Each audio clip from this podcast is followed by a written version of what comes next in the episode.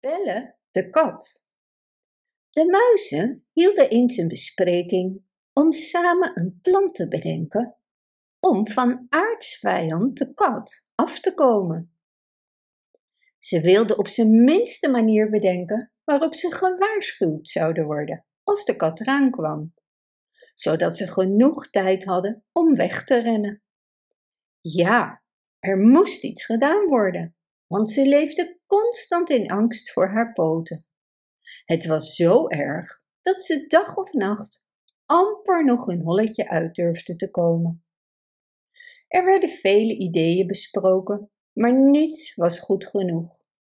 Tot op het laatst een hele jonge muis opstond en zei: Ik heb een plan dat misschien heel eenvoudig klinkt, maar ik ben er zeker van dat het succesvol wordt.